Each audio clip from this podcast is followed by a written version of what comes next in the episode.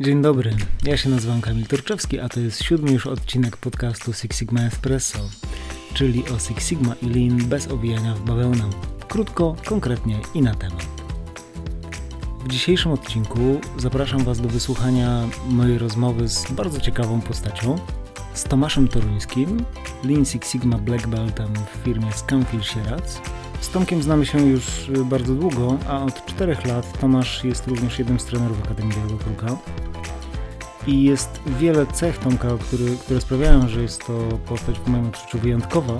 Jego niezwykły spokój, opanowanie, rzetelność, zamiłowanie do minimalizmu, prostoty, ale przede wszystkim to, co czyni, myślę, szczególnie interesującą rozmowę, to jest fakt, że Tomek jest jednym z niestety wciąż nielicznych przypadków, w których bycie black beltem nie jest funkcją czy jakimś zajęciem dodatkowym, a jest po prostu działaniem na konkretnym stanowisku w strukturze organizacyjnej opisanym jako Lean Six Sigma Black Belt i dla Tomka bycie Black Beltem, prowadzenie projektów DMAKE, koordynacja projektów, koordynacja działań usprawniających to jest po prostu jego zawód. Tomek zdążył zgromadzić na tym polu całą masę doświadczeń, o których będzie dzisiaj opowiadał. W szczególności dużo uwagi poświęcimy standaryzacji, która dla Tomka jest no, jednym z fundamentów usprawnienia procesów. O tym, dlaczego tak jest, jak się y, za, za tą standaryzację najlepiej zabierać, o tym wszystkim Tomek opowie już w naszej rozmowie. Także zapraszam serdecznie. Kamil Torczewski i Tomasz Toruński przed Wami.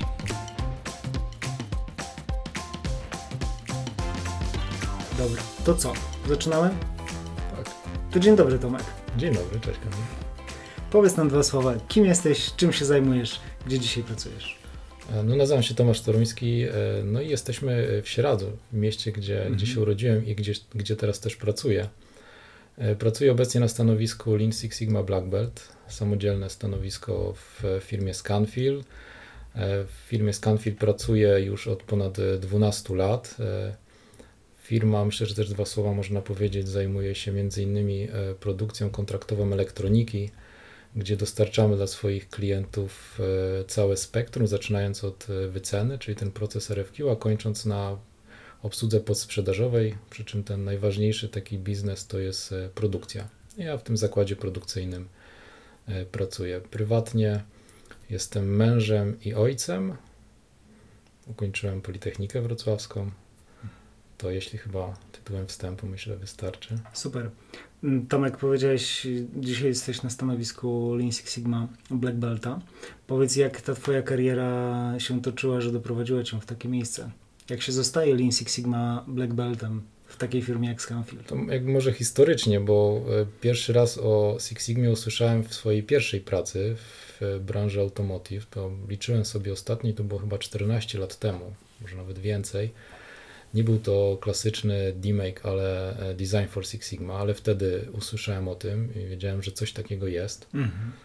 E, I to zostało jako w pracy inżyniera, ponieważ było to potrzebne. Potem e, był taki czas, kiedy było szkolenie greenbeltowe i to był też moment, kiedy ja sobie pomyślałem, fajnie by było być po tej drugiej stronie. I to fajnie mi zostało w głowie, w takim sensie trenera.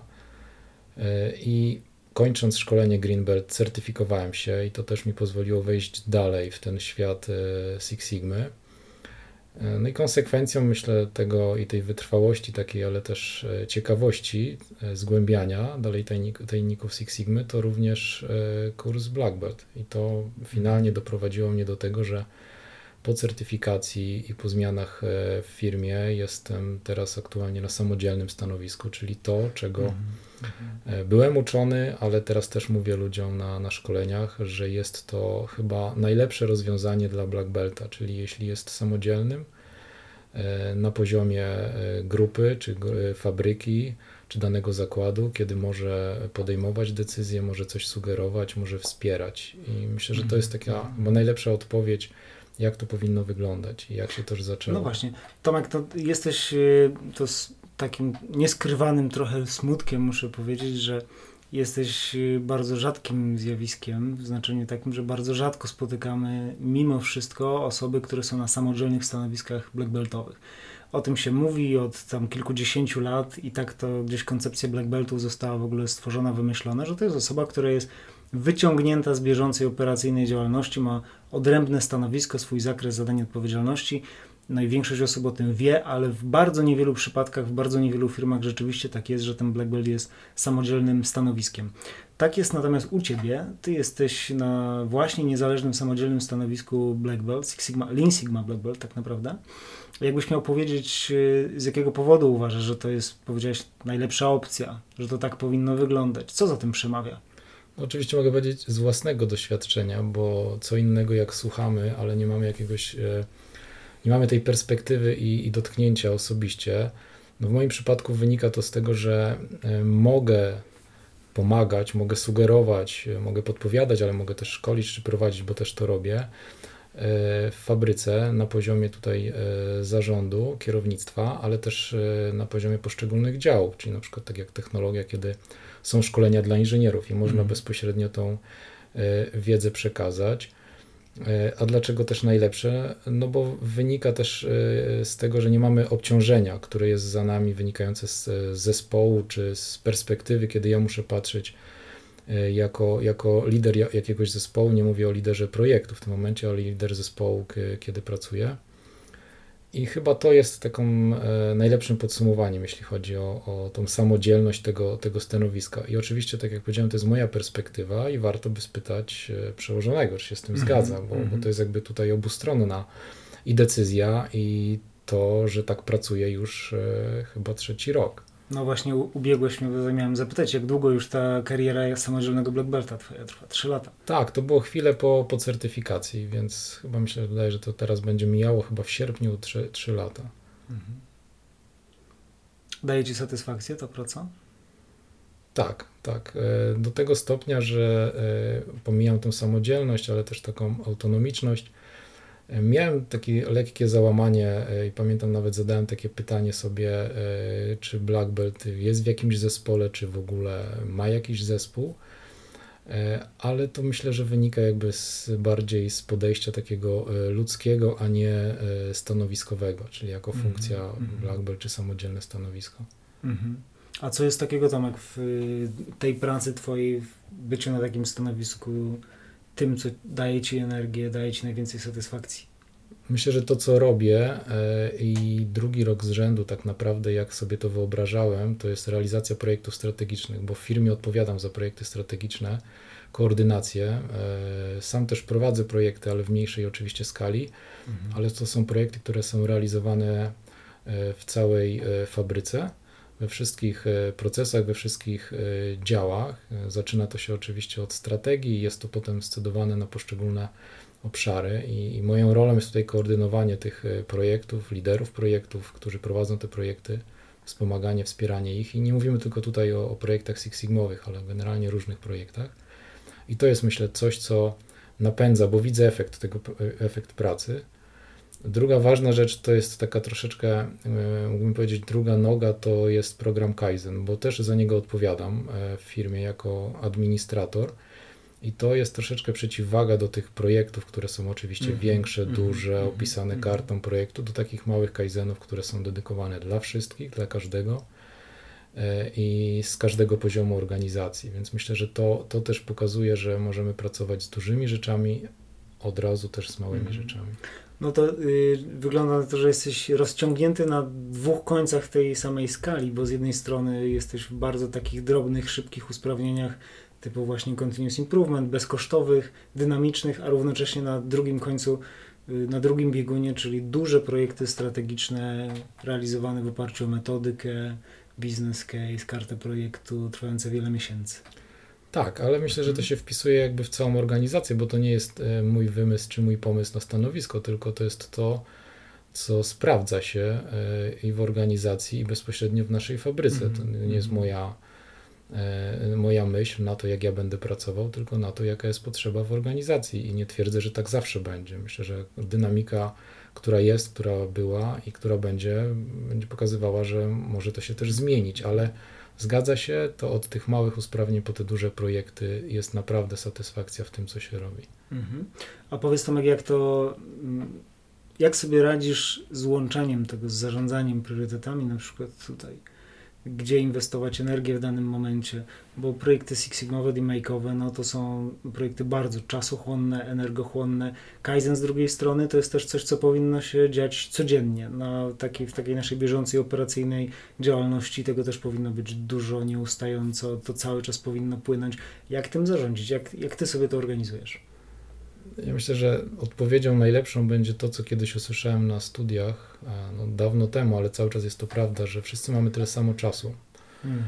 E, wykładowca nam powiedział, że każdy z nas ma 24 godziny i jak sobie je wykorzystamy, to to jest ten e, nasza działka, która pozwala nam e, tym zarządzać. I to mi gdzieś wpadło tylko do głowy, kiełkowało, a bodajże 12 lat temu miałem takie pierwsze szkolenie z zarządzania sobą w czasie i to był ten przełom, kiedy zrozumiałem, że to nie my panujemy nad czasem, tylko my musimy w jakiś sposób się w to wpleść. I to pozwoliło mi na tyle uporządkować y, pracę taką zawodową, czyli poukładać sobie, jak, jak z tym pracować, od takich y, usprawnień ad hoc, kiedy musimy być dostępni dla operatora, dla kierownika, żeby coś podpowiedzieć, po projekty, kiedy one trwają na przykład pół roku, wymagają Wymagają też czasu, cierpliwości, regularnych przeglądów, na przykład cotygodniowych. Mhm.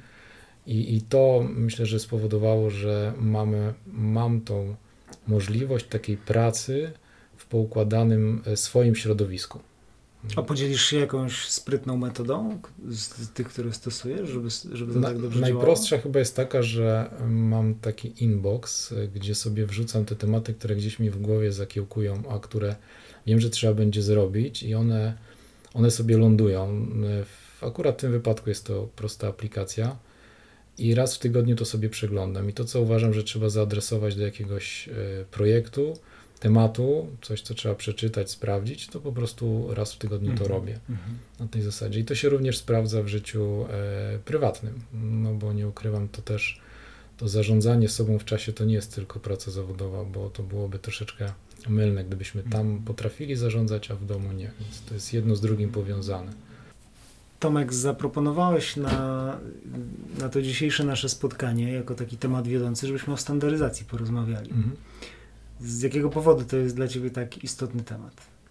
Bo na razie mówimy o tym, że zajmujemy się, zajmujesz się zmianami, od tych najmniejszych po te największe strategiczne. Gdzie w tym wszystkim standaryzacja? No ta standaryzacja jest y, i początkiem tego wszystkiego, bo, bo daje podwaliny pod to, żebyśmy mogli coś zmienić, czyli mamy jakiś punkt wyjścia, jakiś standard, który nam e, chcemy zmienić, jest nieakceptowalny w tym momencie, ale standaryzacja chyba nawet bardziej, z naciskiem na bardziej na końcu e, projektu, na końcu danego pomysłu, kiedy wypracowane rozwiązania, e, one nam ulatują, jeśli nie będzie jakiejś standaryzacji, bo fajnie się kończy projekty, fajnie mm -hmm. się je prezentuje, mm -hmm. robi się podsumowania, ściska się rękę i dziękuję, ale Potem jest szara rzeczywistość albo praca operacyjna, która bez standaryzacji w zasadzie wiedzie nas do tego, że się znowu spotkamy, ale już nie z radością i nie z takim entuzjazmem jak na początku. Mhm. I myślę, że to jest ten e, klucz taki do tego, żeby powiedzieć, po co nam ta standaryzacja jest potrzebna. Mhm. No, dwa pytania mi się rodzą tutaj yy, po kolei. Pierwsze jest takie. Zdarza się, że black belci, green belci, czy też w ogóle osoby realizujące projekty kiedy zabierają się za rozwiązywanie problemu, no to odkrywają już na etapie definiowania, przyglądania się takiego wstępnego, wstępnego temu zagadnieniu, że to, to miejsce, którego zamierzają dotykać, to miejsce, gdzie będzie podejmowana jakaś interwencja, no tam jest po prostu bałagan. Nie ma jakiegoś bazowego standardu. I co ty robisz w tego typu sytuacjach? No bo tu jest taki dylemat, dobrze, to teraz lecimy dalej tym demake'iem i robimy wszystko Merge Analyze, a inni mówią, nie, stop w ogóle, to nie można, dopóki nie ma standardu, nie ma usprawniania. Jak ty patrzysz na to? Ja mam taką odpowiedź, która e, bardzo mi się spodobała i myślę, że będzie dobrą odpowiedzią do tego. To jest połączenie, ponieważ myślę, że warto nadmienić. Jestem z tej frakcji, która uważa, że da się połączyć Lean z Six Sigma. kiedy możemy te dwa podejścia do usprawniania biznesu, czy w ogóle do rozwiązywania problemów połączyć, to narzędzia linowe bym traktował jako odchudzenie procesu, który obrósł pewnym jakimś tłuszczem, czymś, co jest tego dużo, my nie wiemy, co się dzieje. I zaczynamy go odchudzać, stosując jakieś proste narzędzia typu 5S, czy w ogóle jakiekolwiek obserwacje. I jak już e, wiemy, jak ten nasz proces wygląda i chcielibyśmy dalej go usprawnić, bo widzimy, że coś jest, jest jakiś guz do wycięcia, to wtedy bierzemy skalpel i precyzyjnie nacinamy w tym miejscu, gdzie nas boli. I to jest takie, myślę, że połączenie idealne e, narzędzi linowych i Six Sigmowych. Czyli najpierw przypatrzmy się, zobaczmy, to jest taka trochę pra, e, faza predefine. Mhm. Prawda? Nie od razu problem, ok, on jest widziany z perspektywy teraz tutaj naszej firmy, ale zanim zaczniemy go rozpracowywać i kłaść na łopatki, to my musimy zobaczyć, co się za tym kryje.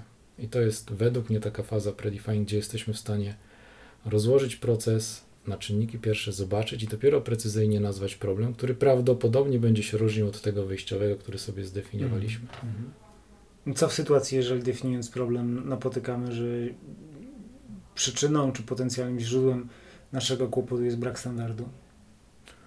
No, byłoby bezsensowne iść dalej, żeby rozwiązywać to jakimś dużym projektem i, i robić standard, kiedy standard możemy wdrożyć na takim najniższym e, poziomie, więc tak rekomendowanie tutaj, żeby nie pochłaniać zasobów czasu, e, to zróbmy tą standaryzację i dopiero się przypatrzmy, czy faktycznie ten proces potrzebuje e, czegoś cięższego. Prawda? To co powiedzieć takiemu black beltowi, czy kandydatowi na black belta, który chce się certyfikować i on chce robić projekty, chce pchać te projekty do przodu, żeby móc do, tej, do tego egzaminu i do certyfikacji podejść.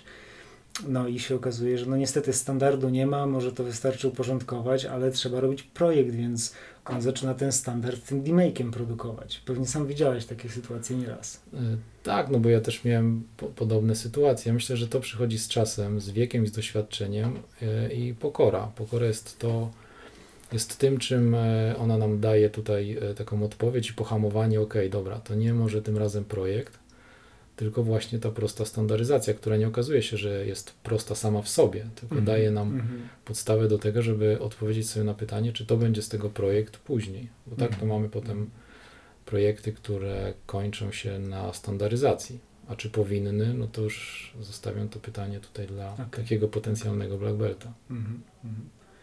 No, po raz kolejny dotykamy wątku. Pokora, moim zdaniem, kluczowa kompetencja każdego black belta, najważniejsza. Tak, te miękkie mhm, aspekty tak. przed tymi twardymi. No dobra, ale jeszcze jedno pytanie mi się pojawiło w głowie, jak mówiłeś o standaryzacji, o istotności. To jest, y, no standaryzacja najczęściej kojarzona jest z tym końcem projektu, z końcowymi etapami, kiedy mamy wdrożone rozwiązania, y, próbujemy je teraz uporządkować, sprawdziliśmy, co działa, co nie działa, no i decydujemy finalnie, z których z nich robimy standard, no i tam tworzymy pewne nowe standardy, nowe regulacje, y, zmiany formalne, zmiany mentalne. I tu się pojawia taki dylemat, to kiedy ten nasz projekt, kiedy ta nasza interwencja się kończy? Kiedy możemy powiedzieć, że rzeczywiście no, rzecz się dokonała? Pytam o to dlatego, bo no, ja mam takie wyobrażenie, że w wielu sytuacjach wprowadzenie standardu i powiedzenie z czystym sumieniem, tak, mamy nowy standard, to nie jest kwestia dni, tygodni, tylko zazwyczaj miesięcy, a czasem też i lat. Jak to teraz powiązać z zamykaniem projektu? Jakie jest Twoje doświadczenie? W którym momencie Ty zamykasz projekt, mówisz, dobra, koniec, tutaj swoją pracę już wykonałem? Czy to, jak to się ma do tego, czy my już mamy ten standard, czy jeszcze nie? Oczywiście najprościej jest zamknąć projekt, powiedzieć, że mamy standard, ale wiemy, że w rzeczywistości to tak do końca nie działa i bazując na własnym doświadczeniu, to przechodziliśmy przez coś takiego. Zamykając projekty, nie do końca wiedzieliśmy, czy to nam zadziała. Mhm. I celowo i świadomie dołożyliśmy w procesie realizacji projektów strategicznych taki punkt e, jak follow-up, E, I czas tutaj jest e, zależny od tego, jaki to jest projekt. On wynika z cyklu produkcyjnego, z czasu rozliczeniowego. Jest to mm. czasami kwartał, pół roku, kiedy chcemy sprawdzić, czy wdrożone rozwiązania nam zadziałały. I oczywiście projekt był oficjalnie zamknięty. Natomiast e, w moim przypadku tutaj, mówię na, na podstawie firmy Scanfil, mamy dział controllingu, gdzie możemy sprawdzić, czy to, co zostało wdrożone, nadal działa. Na przykład licząc mm. zyski czy koszty, które były poniesione i sprawdzając, weryfikując to po tym, po tym czasie. I to oczywiście jest nasza nauka, bo tak nie robiliśmy od początku. A zapytam od razu, kto to robi? Kto to sprawdza? To jest odpowiedzialność Twoja jako Black Belta nadal, czy to jest odpowiedzialność sponsora? Ja jestem odpowiedzialny, odpowiedzialny jestem za ten proces, czyli jakby też w mojej e, odpowiedzialności jest to, żeby to, to sprawdzić. Prawda? Bo najczęściej lider po, po zamknięciu projektu idzie do kolejnej kolejnej pracy i on, on oczywiście może mi pomóc e, sprawdzić, ale z racji, że to jest, mamy takie no, naczynia połączone, czy też trójno, kiedy mamy lidera projektu, dział kontrolingu i mnie, żeby jakby w zasadzie o tym pamiętać. Czyli dział kontrolingu mhm. wyciągnie nam odpowiednie dane i to nam zostawi w jakiejś tabelce, mnie na zasadzie takiej wyciągnięcia flagi przypomni e, przypomnienia i lidera projektu, który to realizował, wiedział jak to było liczone, mhm. jak to było robione, co tam było realizowane. I też nie ma co tutaj koloryzować, że zawsze jest różowo i fajnie, że wszystkie projekty przynoszą e, ten e, zakres, który był zdefiniowany na samym początku, został zrealizowany, bo one się mogą zmieniać, o tym mm -hmm. mówiliśmy, czy ta mhm. faza predefine nam redefiniuje problem, ale też w trakcie może wyjść coś innego, albo może się okazać, że na przykład już e, nie produkujemy danego, danej części czy danego part numberu, który był zdefiniowany na początku tutaj trwania czy definiowania projektu. Mhm. I co się dzieje wówczas, jeżeli po takim follow-up po kilku miesiącach czy po, nie wiem, po roku odkrywacie, że kurczę, no ten rezultat biznesowy jest daleki od założonego, że proces nam gdzieś odpłynął znowu. Jakie wówczas są no, działania? To też z własnego doświadczenia i prawdopodobnie to nie jest jedyne e, rozwiązanie, jedyne słuszne. Mhm. To mamy taką bazę lesson learned, gdzie wpisujemy te wszystkie spostrzeżenia i to jest wejście do kolejnych projektów strategicznych w kolejnym roku, czyli to, czego się nauczyliśmy, E, co się udało i zarazem co się nie udało, bo raczej tutaj o tym należy powiedzieć, czyli gdzieś nam coś nie poszło, nie zagrało i to jest wejście do, do kolejnego roku na, na, na tej zasadzie, czyli mamy takie koło akurat w cyklu rocznym tutaj, kiedy możemy wziąć te tematy właśnie z ubiegłych e, lat, e, ubiegłego roku projektów, gdzie były realizowane. Ale tak jak, mhm. Tak jak powiedziałem, to nie jest pewnie jedyne rozwiązanie, ale jedno z możliwych, które w, u nas się sprawdza.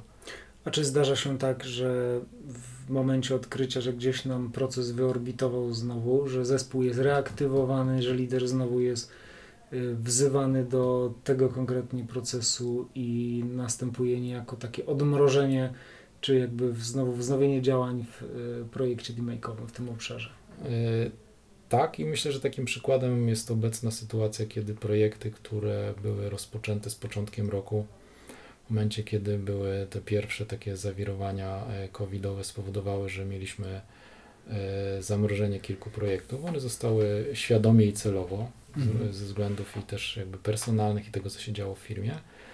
E, I potem je realizujemy. Więc jakby to myślę, że tylko tutaj życie pokazuje, że są takie rzeczy możliwe i, i, nie uciekałbym tylko do teorii, że otworzony projekt musi być go, zgodnie z planem e, przeprowadzony, zamknięty itd., tak itd. Tak nie, bo sytuacje biznesowe i, i to, co się dzieje w firmie, w organizacji pokazuje, że trzeba reagować na bieżąco. Stąd możliwości takie, że właśnie zamrażamy projekt, albo go musimy reaktywować, odmrozić, albo na przykład zmienić zakres w trakcie, bo to nie jest akurat to, czym mieliśmy się zająć na początku. Mhm. Mhm. Tomek, jak rozmawiamy o standaryzacji, to nie sposób nie zapytać o taki konflikt, który ja przynajmniej obserwuję od, od długiego czasu i on się pojawia często w dyskusjach. E, taki pogląd, opinia, że standaryzacja jest wrogiem twórczości, kreatywności, innowacyjności. Mm, mało tego, Six Sigma wtedy jest często też jako taki program, który finalnie nam porządkuje te procesy i dąży do ich właśnie stabilizacji, Six Sigma często jest też postrzegany jako taki wróg innowacyjności, kreatywności, twórczego myślenia e, w biznesie. Jakie jest Twoje doświadczenie? Co byś powiedział w, tym temacie? No i też odwołam się, oczywiście można mówić o, o teorii, ale Myślę, że pierwszą odpowiedzią jest to, że nie zabija kreatywności, bo w fazie imprów szukamy rozwiązań, wtedy się otwieramy na wszystkie możliwe rozwiązania. To, czy je potem wdrożymy, to jest jakby rzecz wtórna, ale od razu tutaj na, obalamy to stwierdzenie, że Six Sigma nie jest kreatywna, bo jest, tylko w pewnym momencie, mhm. wtedy, kiedy jest na to czas i miejsce. Mhm. Natomiast czy standaryzacja jest wrogiem kreatywności? No oczywiście e, nie jest, bo daje podstawę do tego, żebyśmy mogli wyjść z jakiegoś punktu odniesienia, prawda? I dopiero szukać tutaj mhm. usprawnień. Bo gdybyśmy mieli wszystko i nic, czyli wymieszane coś w jakimś procesie i zaczęli szukać rozwiązań, to nie mając punktu odniesienia, nie jesteśmy w stanie w żaden sposób niczego konstruktywnego wypracować, co będzie z nami na dłuższą e, chwilę. Chyba, że mhm. uznamy, że właśnie ta ten jeden taki złoty strzał w postaci wymyślonego pomysłu spowoduje, że rozwiąże nam to problem, ale wątpię, że tak się uda. Więc jakby podsumowując, uważam, że ta standaryzacja jest świetnym punktem wyjścia do tego, żebyśmy byli kreatywni na tym obszarze i na tym poziomie, na jakim jest to możliwe w danym mhm. procesie. Myślę, że to bardzo, bardzo zgrabnie, świetnie powiedziane. Mm. Ja też zawsze byłem pod wrażeniem, że to jest taki, taki taniec dwóch sprzeczności, można powiedzieć, gdzie z jednej strony dążymy do uporządkowania, a z drugiej strony cały czas szukamy nowych opcji, nowych rozwiązań, nowych pomysłów. I paradoksalnie to, to skuteczność osiąga się tylko wówczas, jeżeli obie te jakości są obecne i potrafimy jakby stworzyć odpowiedni miks do tego. No? Albo się kompensują w jakiś sposób, uzupełniają. Tak. To jest tak, jak y, też często mm, rozmawiając z trenerami, mówię, że tak często na sali szkoleniowej trzeba improwizować, ale czym jesteś lepiej przygotowany, tym możesz skutecznie improwizować. No tak, to ja myślę, że tutaj odpowiedzią będzie bardzo dobrą, no. którą kiedyś też usłyszałem. Jak nie odrobisz pracy domowej, to w zasadzie nie masz iść po co dalej. I to też się odnosi do standardów, bo możemy mm. szukać rozwiązań, ale najpierw musimy odrobić pracę domową, sprawdzić, czy mm. coś jest, mm. czy coś mhm. mamy w naszym procesie. Mhm. I taki myślę, że dobrym przykładem jest e, faza measure, kiedy chcemy zrobić analizę systemu pomiarowego i dochodzimy, że na przykład my nie mamy standardu, jak coś mierzyć. Nie mamy instrukcji, nie wiemy nic i wtedy musimy zrobić krok do tyłu, żeby zobaczyć, czy to, co w naszych procesach mamy albo czego nie mamy, powoduje, że możemy iść dalej. Mhm. Znowu wracamy do standaryzacji, nie tylko w fazie kontroli, ale również w fazie measure. Mhm. Tomek, ty w Akademii Białego Kruka mm, też pracujesz jako trener, kształcisz i black beltów i green beltów, dzielisz się swoim doświadczeniem.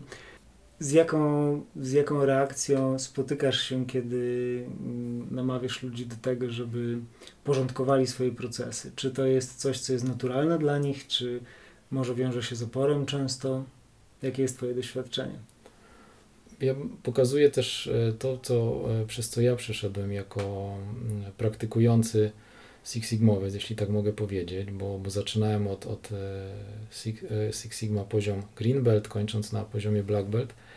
I myślę, że przez swoje doświadczenie jestem w stanie pokazać, że oczywiście możemy się nie zgadzać z pewnymi rzeczami, wątpić albo poddawać pod dyskusję na pewnym poziomie naszej wiedzy, ale kiedy doświadczenie przychodzi wraz z realizacją projektów, przerobionych e, materiałów i, i nauki, wtedy myślę, że każdy sam e, dojdzie do tego. A ta sprzeczność, czy taka troszeczkę kontra dla trenera na salce szkoleniowej jest e, dobra, dlatego że ta osoba może potem sobie odgrzebać w myśli to, co usłyszała na salce i powiedzieć, ok, to, to, to jest ważne z perspektywy prowadzenia projektu, mhm. podejścia do, do rozwiązywania problemów. Może teraz ja się z tym nie zgadzam, nie wierzę trenerowi albo nie potrafię sobie tego wyobrazić w swoich procesach, to myślę, że z czasem przyjdzie ta refleksja, że jednak to jest ważne, bo, bo nie uczymy tego tylko dlatego, żeby uczyć, tylko uczymy po to, żeby realnie rozwiązywać problemy. Jeśli ja się z czymś nie zgadzam albo dochodzę do ściany w pewnym momencie, i to jest naturalne, normalne i myślę, że trzeba uspokoić tutaj wszystkich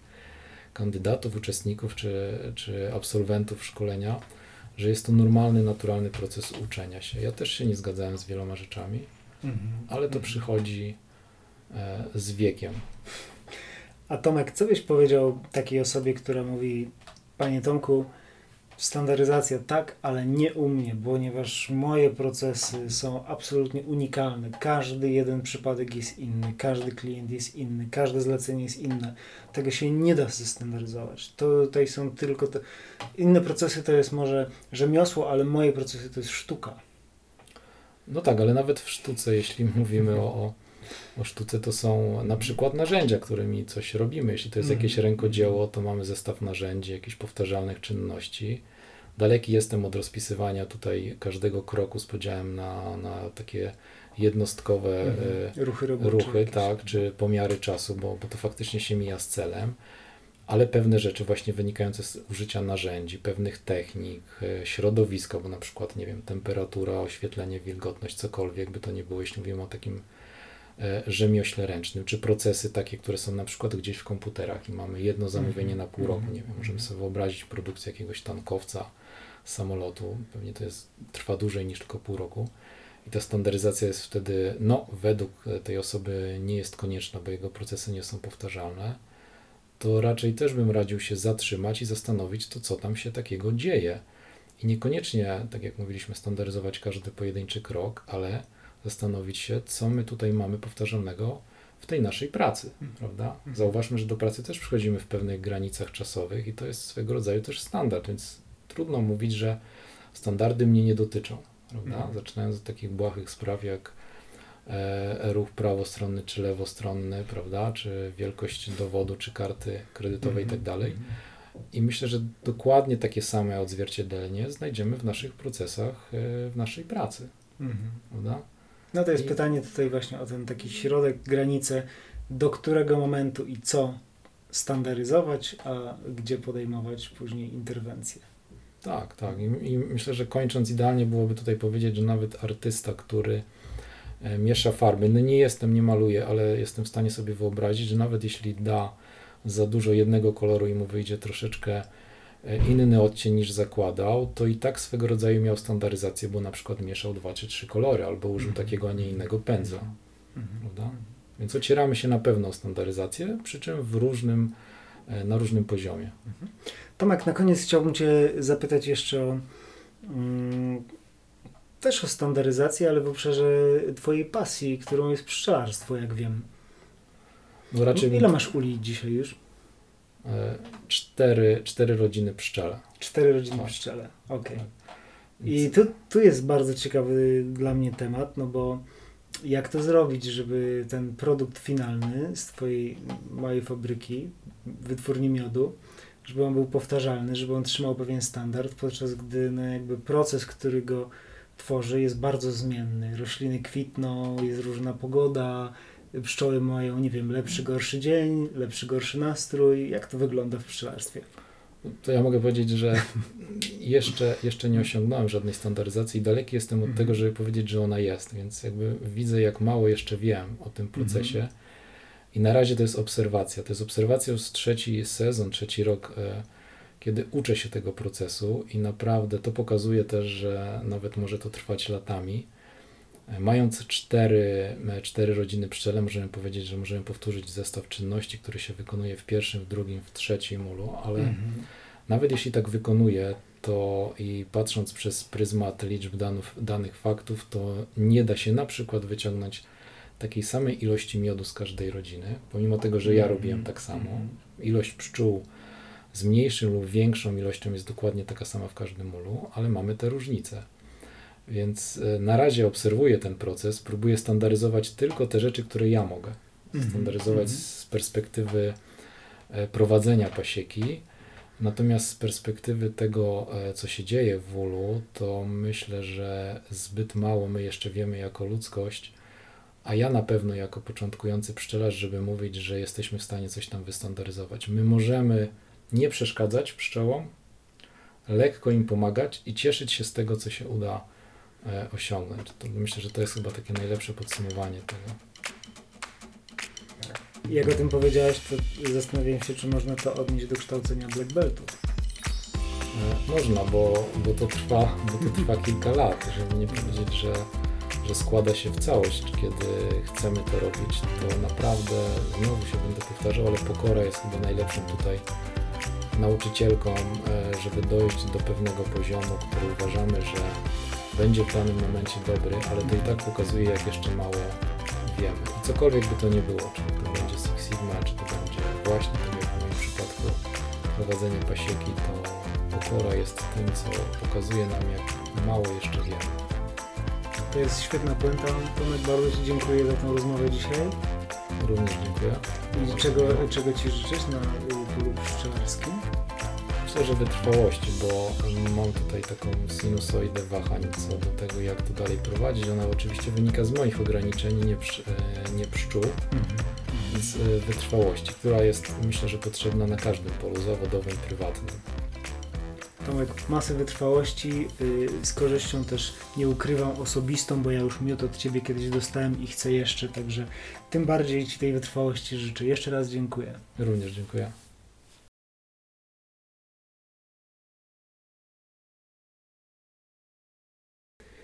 No myślę, że chyba tak najprościej, no nie? Mąż, ojciec. Master Black Belt? Nie, no master jeszcze nie, to wiesz, to jest daleka droga.